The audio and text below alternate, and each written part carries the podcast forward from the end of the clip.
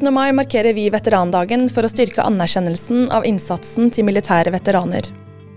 Våre veteraner er sendt ut på vegne av nasjonen Norge som en del av vår sikkerhetspolitikk, og er med på å løse oppdrag på vegne av alle oss som bor i Norge.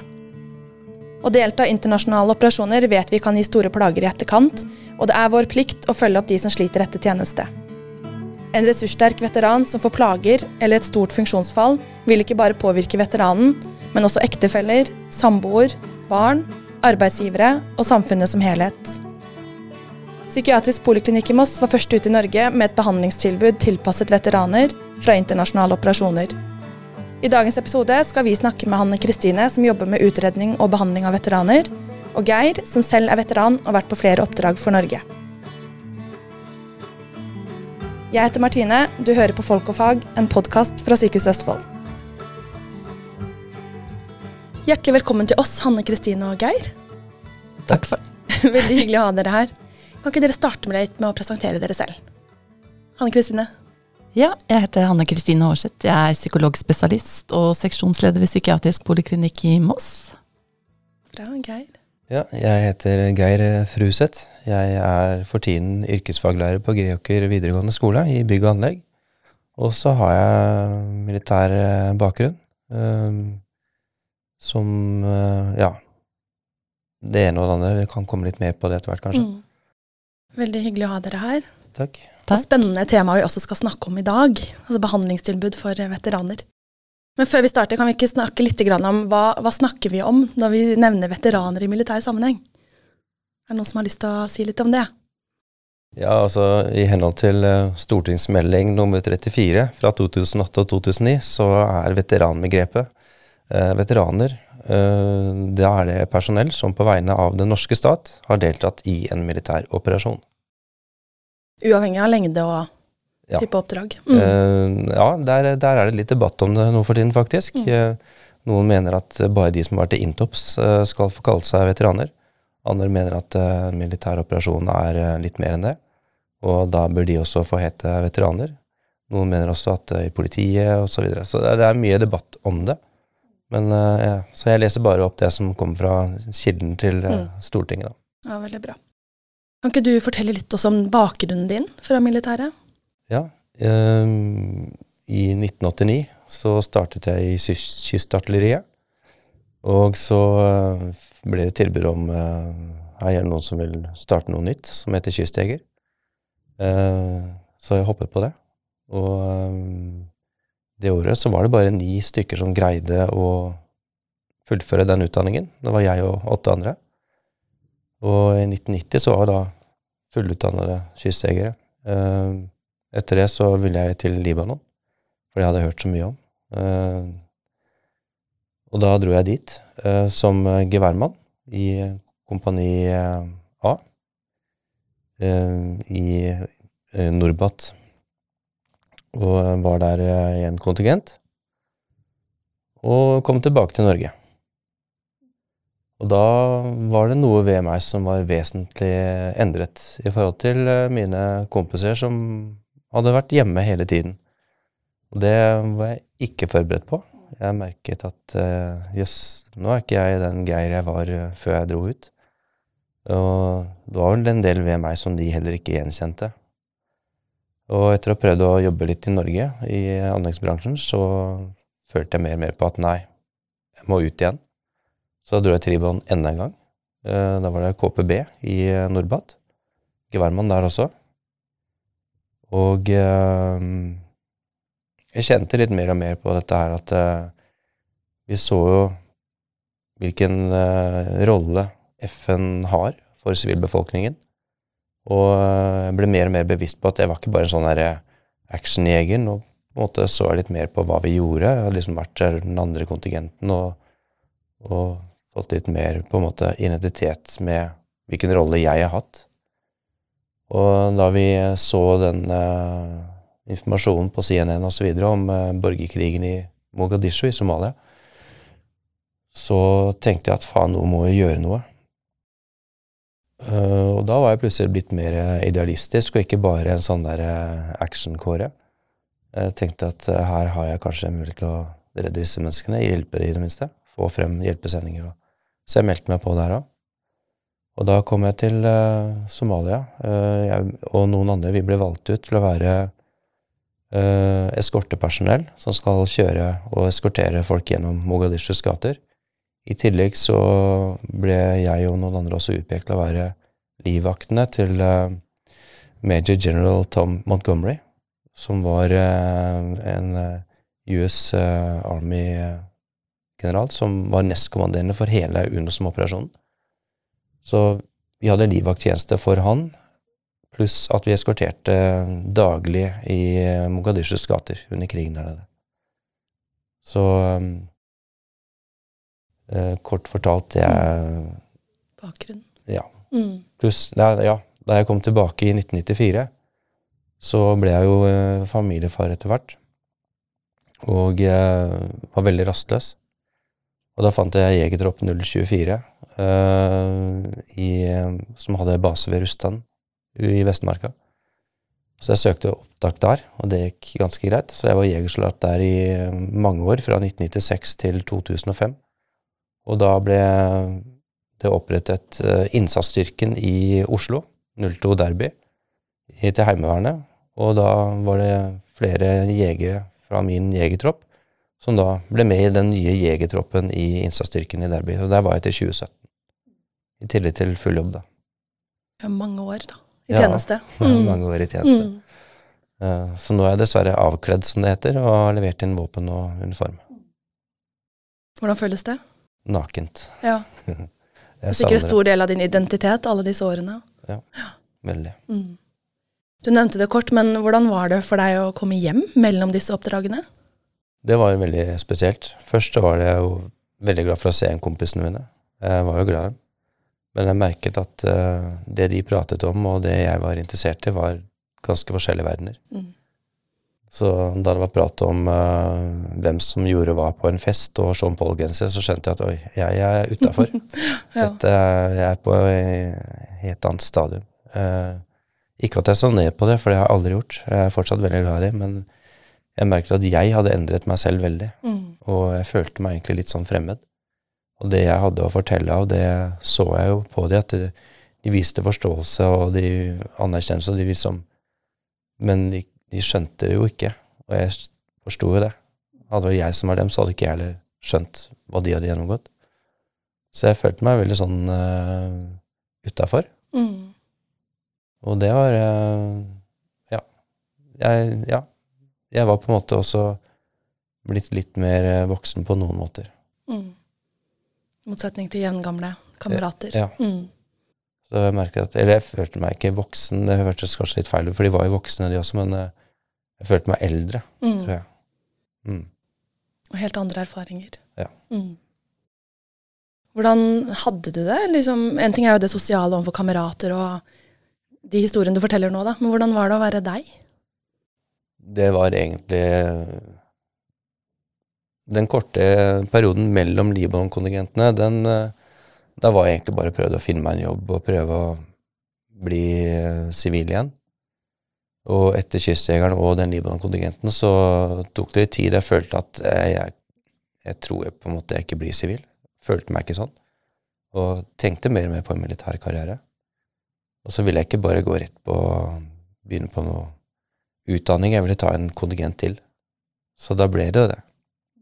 Og de to neste på rappen, som var da Libanon og så Somalia, det endret meg veldig. Jeg hadde jo ikke noe planer annet enn at dette vil jeg egentlig fortsette med. Men så skjedde en episode nede i Somalia som egentlig eh, tar altfor lang tid å fortelle om her, men eh, Så jeg fikk ikke fullført Somalia-kontingenten, egentlig. Og ja, skjedde like etter jul, så i januar så var jeg hjemme i Norge.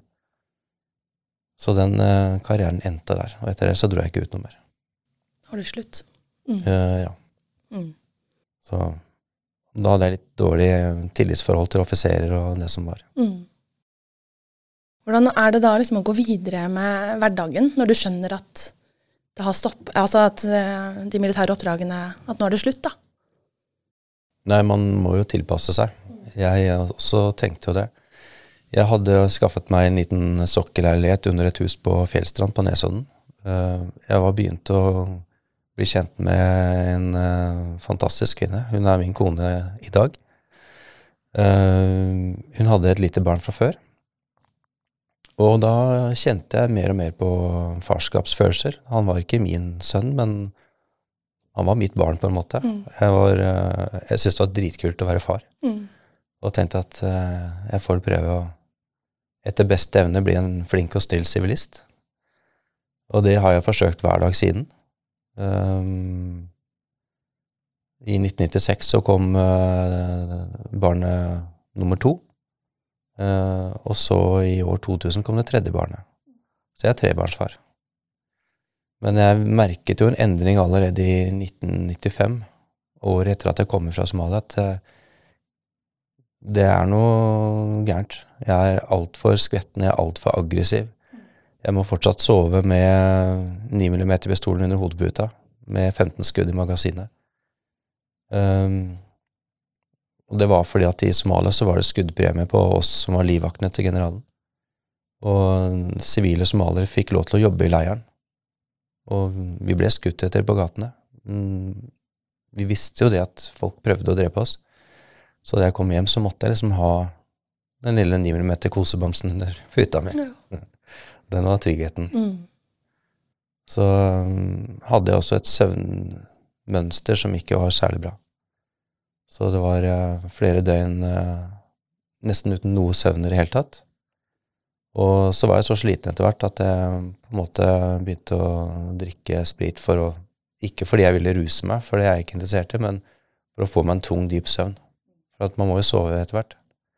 Så jeg selvmedisinerte meg sånn, da. Så etter hver ca. tredje-fjerde døgn med lite søvn, så selvmedisinerte jeg med å drikke meg full. Og la meg til å sove sånn. Og da fikk jeg på en måte en hel natt med søvn. Og det er jo ikke så veldig sunt i lengden. Um, etter hvert så fikk eh, kona meg til å ikke ha pistolen under puta lenger. Hun syntes ikke det var så kult. Nei. Eh, jeg kan til en viss grad forstå det.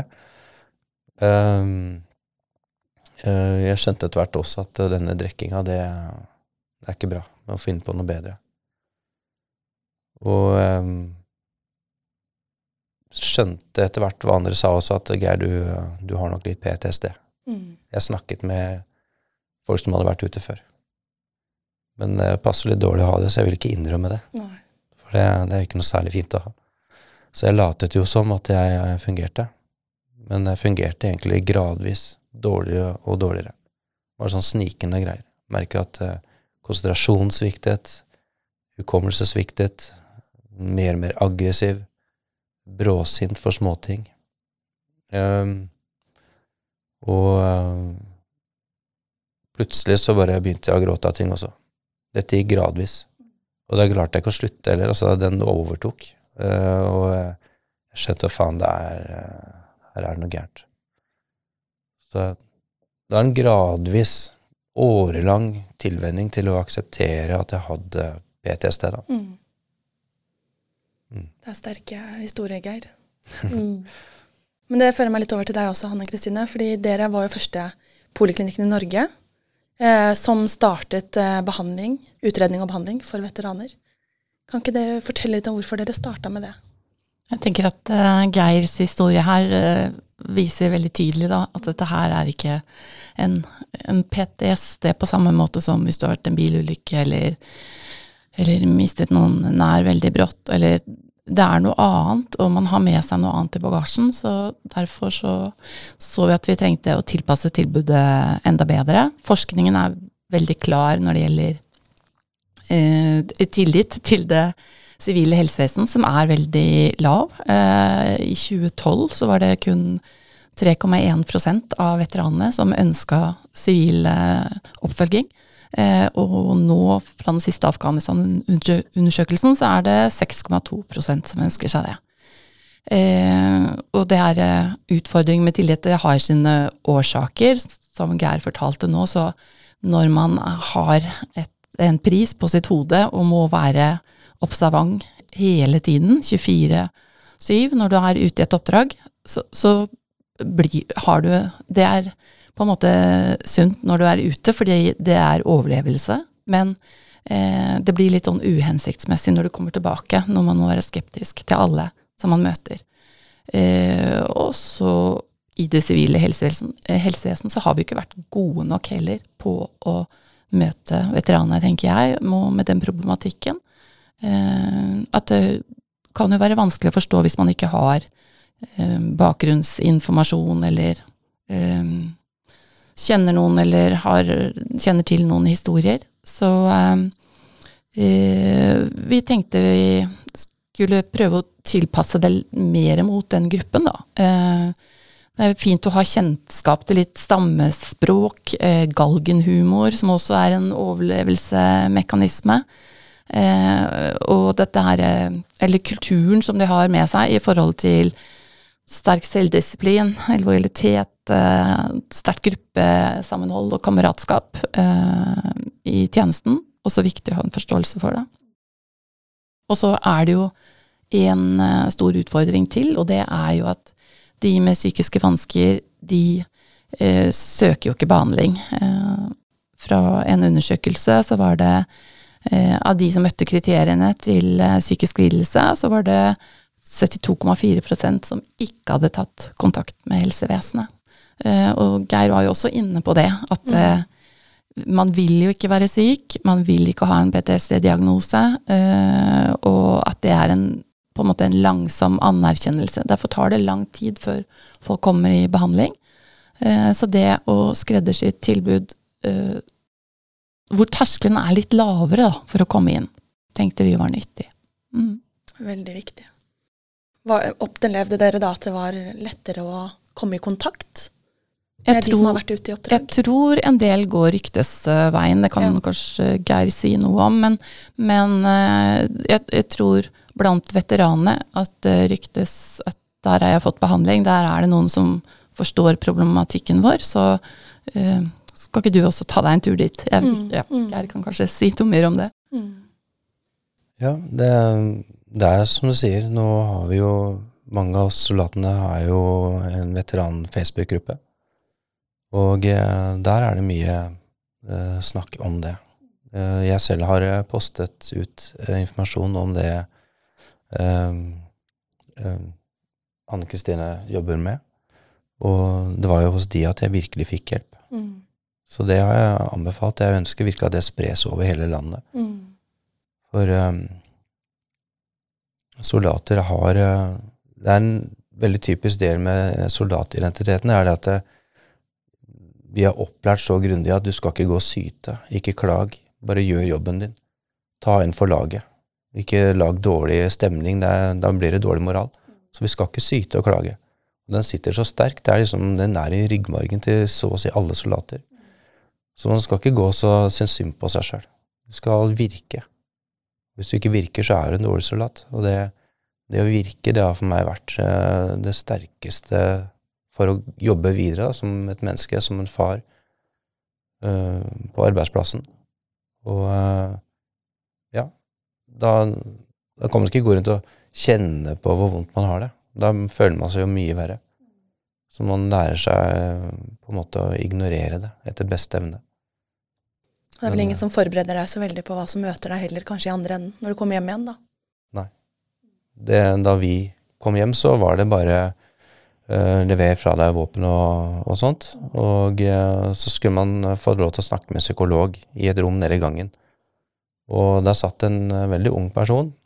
Og så visste jo vi det at hvis vi forteller at vi har vært med på noe litt for friskt, så vil han kanskje uh, i sin unge, uerfarne gjerne tenke at ok, han må ikke sendes ut igjen. Og de fleste av oss var jo kontingentjegere. Vi ville jo ut igjen. Så da sa vi bare det at ja, nei, jeg har bare vært i camp og sola meg og spilt volleyball og hørt musikk og hatt det innmari fint og kjørt bil rundt omkring og ikke opplevd noe, vi. Og det var liksom greia å si, for da visste du at da har ikke du ødelagt for at du ikke får komme ut igjen senere. Det, det er jo Det var typisk 90-tallet. Ja. Sånn er det jo heldigvis ikke nå lenger. Og sånn må det ikke være heller. Det må, være, anerkjenne de sterke inntrykkene man faktisk har eh, ja. vært med på. Eller ikke bare inntrykkene, men opplevelsene. Mm. Ja. For det snakket jo, det snakket jo du og jeg om i stad, Hanne Kristin, om uh, et, Det er et generasjonsskifte i Forsvaret nå. Den nye generasjonen er ungdommer som har hørt at det er lov å gråte, det er lov å, å innrømme at man har en skade. Det er, det er lov å, å kjenne på at nå trenger jeg hjelp, og be om hjelp. Før så var det på en måte Da var du pingle. Så det er en forskjell. Mm. Den Og en jeg- viktig forskjell, da, tenker jeg. Ja, absolutt. Jeg hadde en god venn som uh, tok sitt eget liv. Og når jeg var i Libanon sammen, vi var også i Somalia sammen. Vi kjente hverandre ganske godt, i hvert fall etter Somalia. Og eh, fem år etter Somalia, han var blant de som var nødt til å drepe noen der nede. Men fem år, eh, eller nesten seks år etterpå, i år 2000, da tok han sitt eget liv. Og det er noe som har eh, gnaget veldig i meg Mm. i mange, mange, mange år. Jeg burde ha skjønt det. Jeg burde ha visst det. Jeg burde ha vært der foran. Det har eh, vært eh, ja, en lang, vond eh, følelse. Mm. Så i fjor så tok jeg endelig kontakt med hans familie og besøkte graven hans. Og fikk på en måte ja, gitt vårt uh, vår opplevelse til en slags verdig uh, møte der, da, ved graven hans. Mm. Og, men jeg savner den, da. Tenker på han nesten hver dag. Sterkt å høre. Mm. Mm. Grunnen til at jeg nevner dette med han eh, kameraten min, det er det at det, det er det som er så viktig i forhold til dette generasjonsskiftet vi er i nå, eh, med en ny type soldater som kan erkjenne at eh, jeg har det vanskelig, eller min kamerat, jeg ser at han har det vanskelig. Og eh, det er der vi burde ha sagt vi burde ha visst. Hva kunne vi gjort for å backe opp uh, kompisen vår? Han burde ha fått uh, hjelp uh, der og da. Profesjonell hjelp. Mm. Da hadde han kanskje klart seg videre i livet sitt. I stedet så fant vi ut at han drakk, og han ble sendt rett hjem til Norge. Straffa med avskjedigelse og ingen hjelp. Og han ble verre og verre, og da. Etter nesten seks år, så tok han sitt eget liv. Og det er eh, en grusom skjebne for en så bra mann, for han var en Mm. virkelig god kamerat og en bra soldat. Jeg tenker det er et veldig viktig budskap Mm. i forhold til fremtidige Det det mennesker som skal ut, eller som er ute nå. Mm. Mm. Se det og fiks det. Og at det er hjelp å finnes. Altså, det finnes hjelp. Mm. Og det, Hanne Kristine, det tilbudet som dere gir, hva, Mm. hva innebærer liksom tilbudet? Eh, Vi har jo utredning som man også har andre steder, men når vi utreder en veteran, så har vi eh, litt mer fokus eh, på det som vi kaller moral injury, eller moralsk skade. Jeg kan komme inn litt mer inn på det senere, hva det betyr. Eh, og så har vi individuell oppfølging, som noen eh, da får, eh, f.eks. med traumebehandling eh, som EMDR, som Geir også har fått, og kan si litt om etterpå. Og så har vi et gruppetilbud. Og der er det Tenker man seg at kameratstøtte da, er veldig viktig i forhold til akkurat det her med moralsk skade. Eh, og at det er på en måte en slags motgift eh, mot skam og, og skyld. Skyldfølelse. Eh, og den eh, gruppen som er etablert for veteraner, det er eh, egentlig vanlig psykoedukasjon, altså eh, informasjon da om traumer. Men så legger man til noen veteranspesifikke temaer, som f.eks. Eh, om moralsk skade. Da. Og da er det veldig mange som kjenner seg igjen eh, i det. Og så er det det at man ser at man er ikke alene, for veldig mange tror det. At det er, det er bare jeg som har eh, blitt skada, det jeg har vært med på. Jeg er en uh, pingle som ikke har tålt det her. Uh, og så uh, Men når de ser at det er andre som også har lignende reaksjoner, så ja, og, og man får en anerkjennelse også for det man har vært med om. Eh, så ser det ut som det er positiv effekt. Men jeg tenker kanskje Geir kan si litt mer om det, hvordan, hvordan det er, hva han har fått ut av en sånn gruppe, da, eller hva han tenker er effektivt. Hvordan har det vært, Geir? Å være en del av dette behandlingstilbudet? Det var jo Jeg har jo vært i behandlingstilbud før via Nav, fordi at tidvis har jeg ikke klart å jobbe pga. PTSD. Um, og via Nav så ble jeg jo da sett, satt til et program hvor jeg på en måte skulle komme tilbake til et uh, fungerende liv igjen.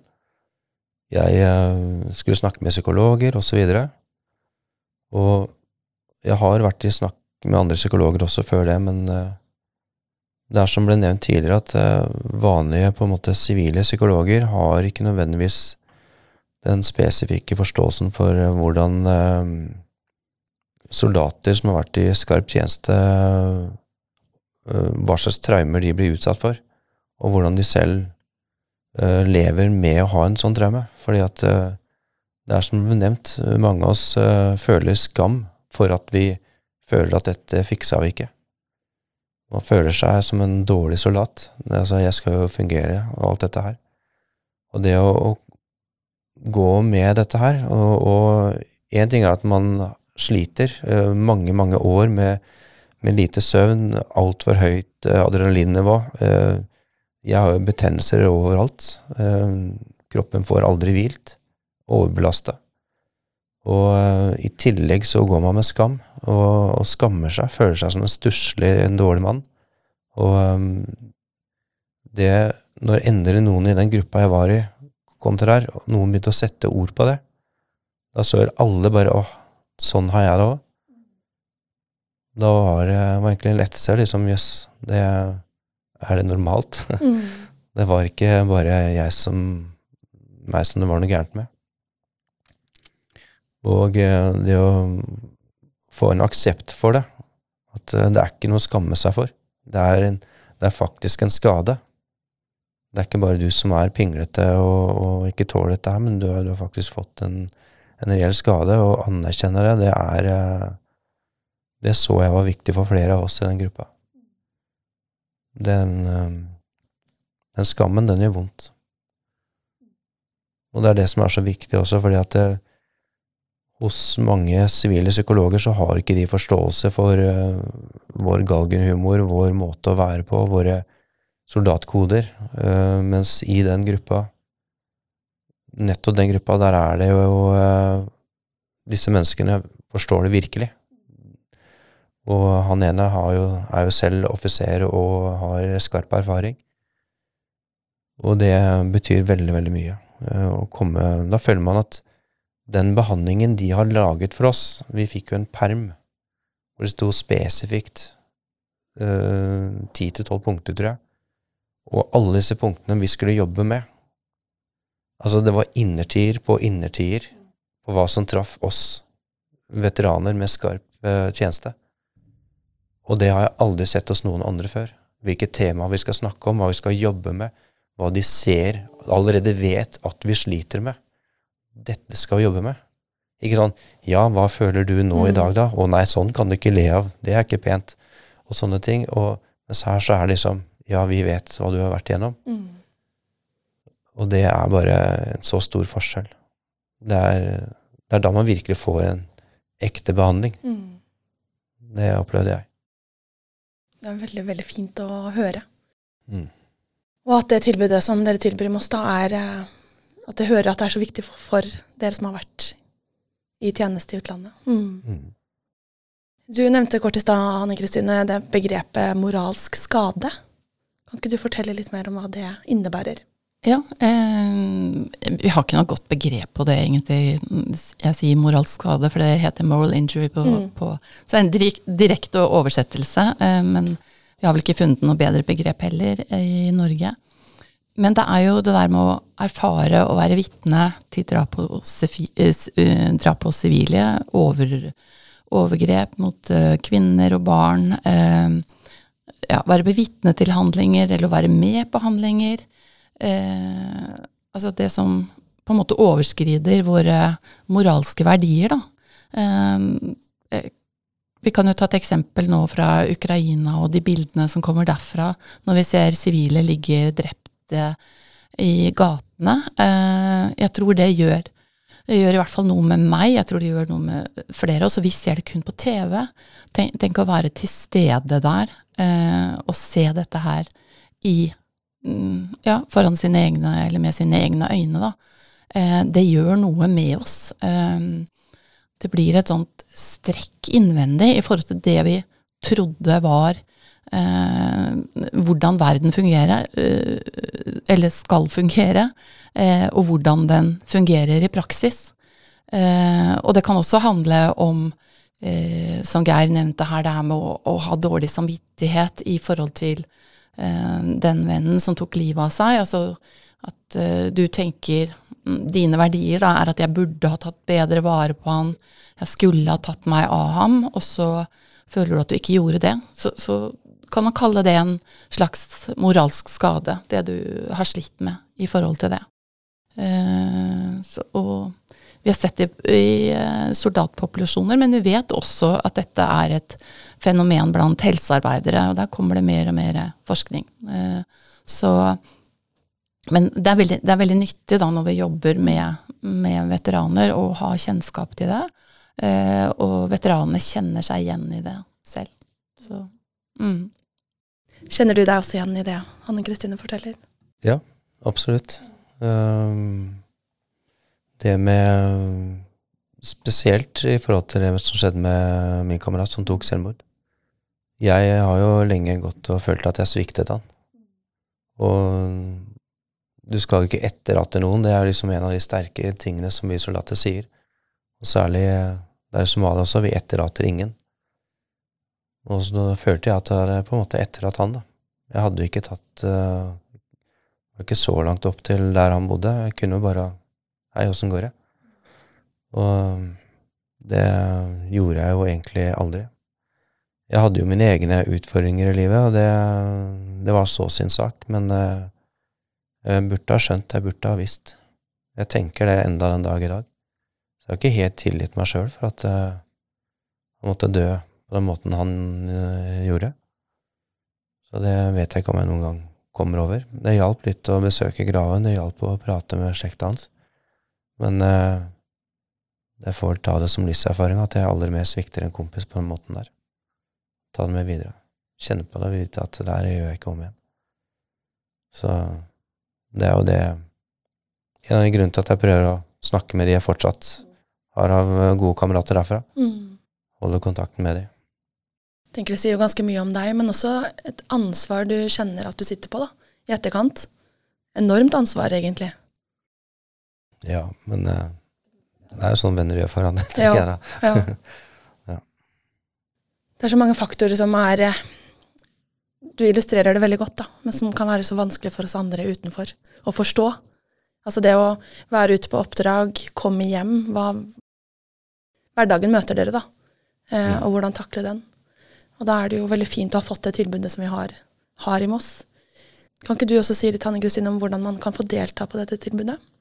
Eh, da får man en henvisning fra fastlegen til, mm. til oss, og så eh, blir den vurdert til inntak. Eh, og som regel vil man da få en vurderingssamtale hvor man ser på ja, eh, lidelsestrykk og eh, ja, hvordan det står til med pasienten nå, og hvor man er i livet.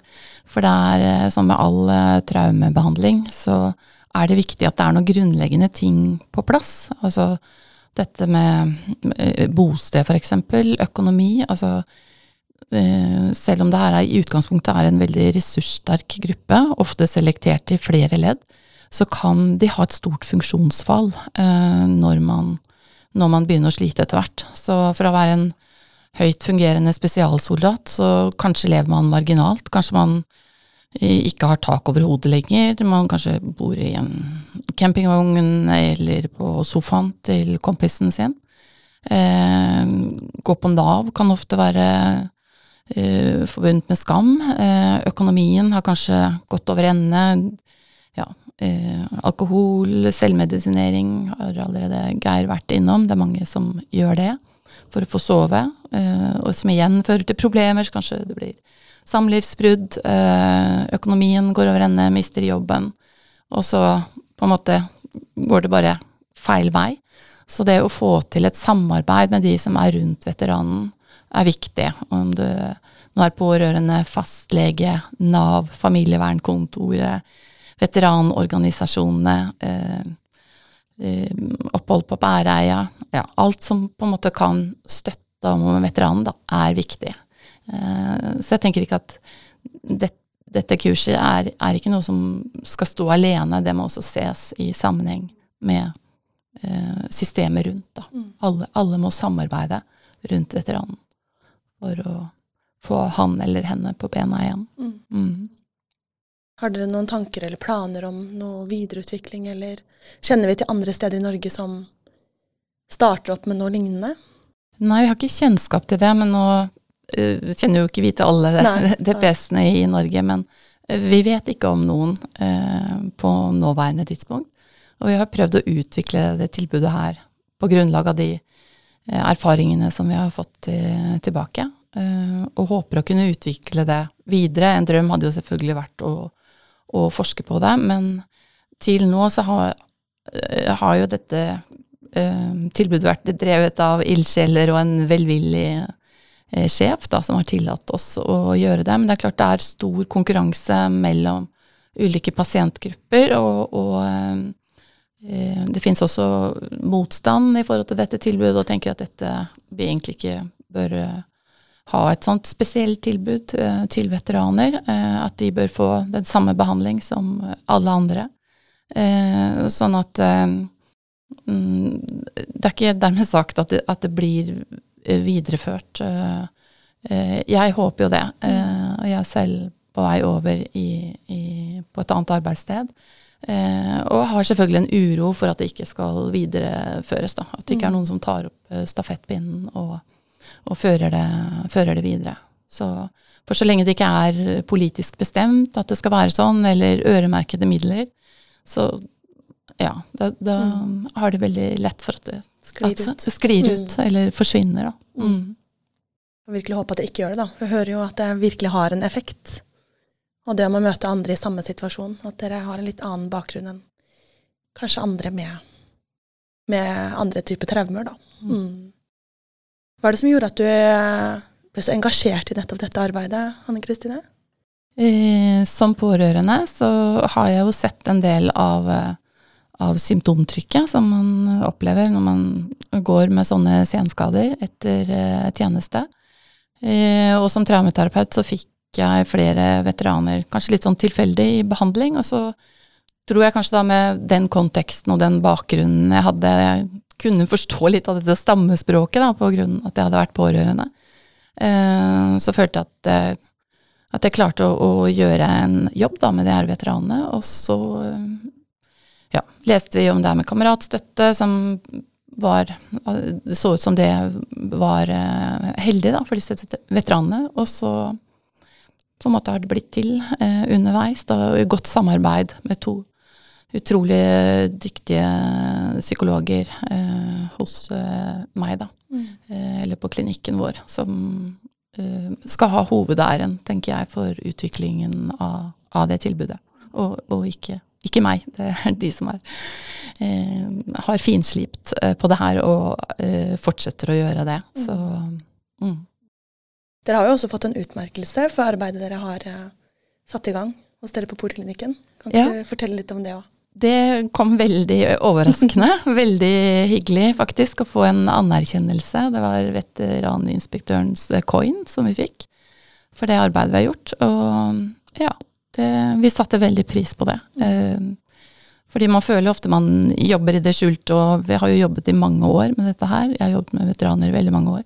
Eh, og det er jo ikke et arbeid som vanligvis eh, synes eller på en måte så mange hører om. Eh, og det er også veldig fint å få ta del i Geirs historie og hva det har gjort med han. fordi at eh, vi slipper jo, slipper jo de ut når de er ferdige hos oss, og det er jo ikke alltid man vet eh, hvordan det har gått. Men eh, det hender jeg treffer på veteraner eh, i ulike sammenhenger som eh, har vært hos oss eller hos meg i behandling, og som da har positive tilbakemeldinger, og det er eh, Og det tar man jo med seg. Men det er selvfølgelig ikke en vei som går eh, etter at man har behandling, og at dette går rett oppover. Det vil jo gå ja, to skritt eh, frem og ett tilbake. Fordi at de fleste har jo gått syke veldig lenge og har eh, På en måte skaden har blitt større og større, sånn at eh,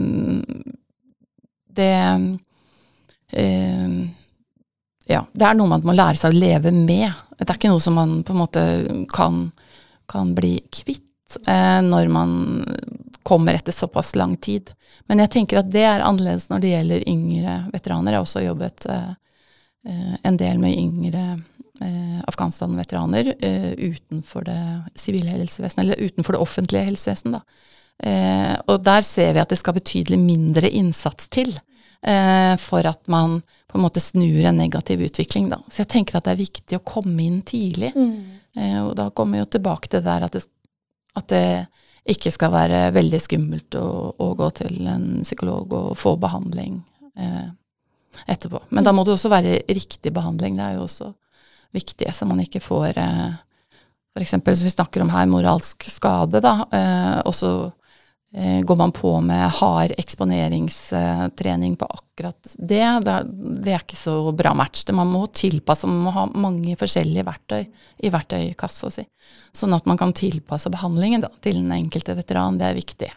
Det, dette kurset er jo ganske generelt, eh, et generelt kurs, og, og ikke så Det er tilpasset gruppen, men ikke den enkelte. Men når man går individuell terapi, så må det tilpasses den enkelte veteran. Og da vil det være litt forskjellig uh, hva, de, hva, man får, om det nå er eksponeringstrening eller EMDR eller uh, kognitiv terapi, eller det som på en måte passer best da, for den uh, enkelte veteran. Mm. Jeg tenker Det er veldig viktig det du sier nå med at jo tidligere man kommer inn, jo bedre kan man få lov til å få det i livet sitt. da. Mm. At det er jo en, også en viktig og en anerkjennelse også av det arbeidet dere har satt i gang. Mm. Eh, og som vi har snakka om før, det her med at man Hvor mye skam man kan kjenne på. ikke sant? 'Dette burde jeg ha takla.' Eh, alle disse tingene som du har vært så fint inne på, Geir. At man eh, kan få hjelp litt tidligere. Sånn at man får en så god hverdag som mulig. Mm. Hvordan har det vært å være deg etter du har gjennomgått dette behandlingstilbudet, Geir? Jeg øh, har faktisk fått det bedre. Før så Jeg har jo på en måte hatet å gå inn i bymiljøet. Enda jeg til og med bor i uh, rolige, snille Fredrikstad, mm.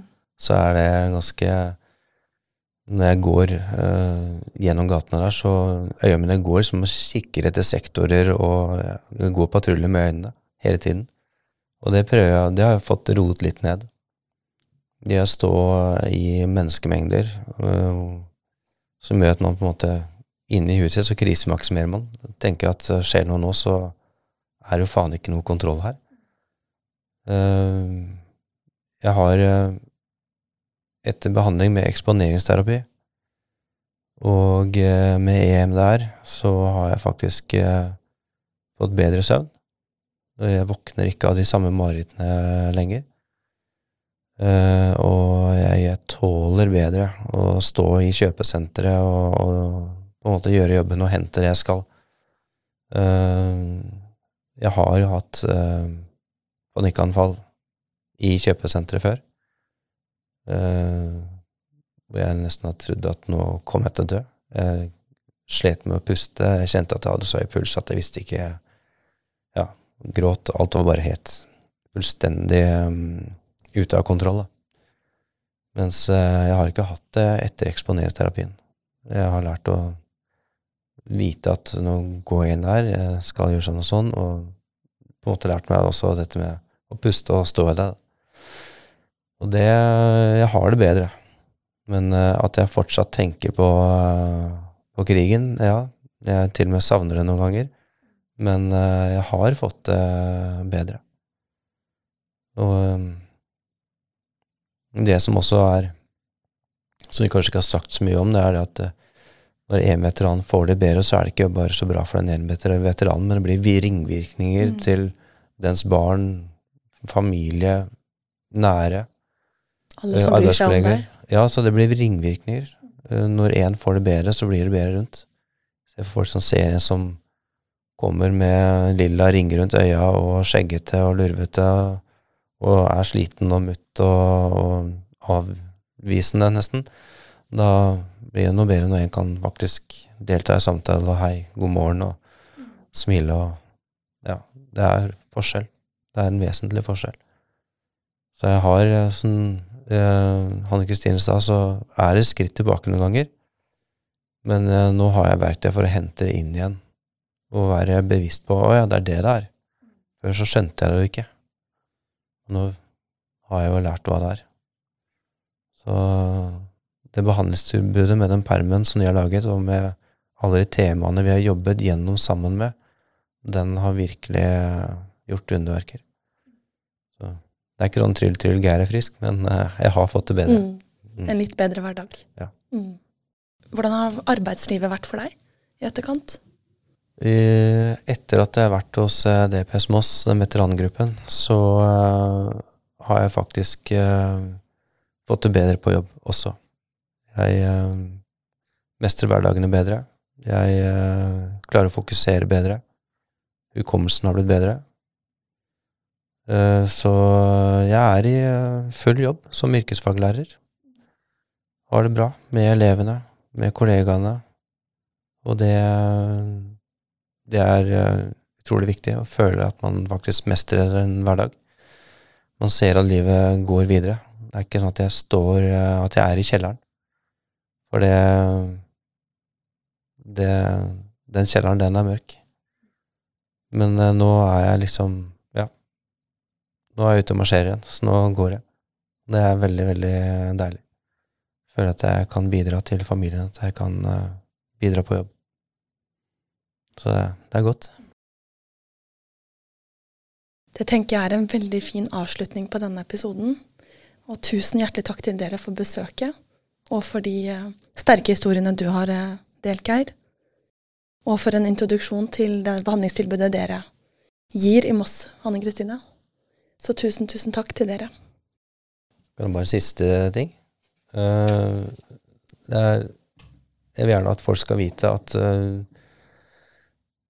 en gang i 2012-2013, da raknet alt sammen for meg, og jeg tenkte at uh, nå er det egentlig best for alle at jeg bare tar 9 mm og, og blåser alt ut av kraniet, for nå er, det, nå er det nok.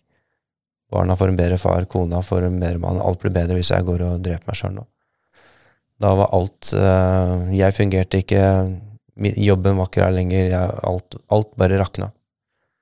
Da hadde jeg liksom ødelagt alt. Uh, men så tenkte jeg, i siste øyeblikk, da sto jeg med våpenet i hånda, faktisk, så tenkte jeg at nei, jeg må prøve én ting til. Og da ringte jeg 800 48 500. Det er kamerattelefonen. Uh, Ring dem. Ring 800 48 500. Ta den praten. De uh, Jeg klarte ikke å si noe til dem først, jeg bare begynte å gråte. og så var jeg på vei ut med pistolen likevel. Og så uh, Jeg var litt ute av det, for jeg hadde fortsatt telefonen på meg, ubevisst. Men ringte og ringte og ringte, og de slutta faen ikke å ringe. Og så svarte jeg, så var det de som ringte meg opp igjen og sa, vet du hva, eh, kom til festninga. Der skal du få hjelp. Vi betaler taxien. Bare si til taxien at de betaler. Bare kom til festninga, så tar vi en prat. Og det gjorde jeg. Og det tror jeg redda livet mitt den dagen. Så ring kameratstøtte hvis dere trenger umiddelbar hjelp.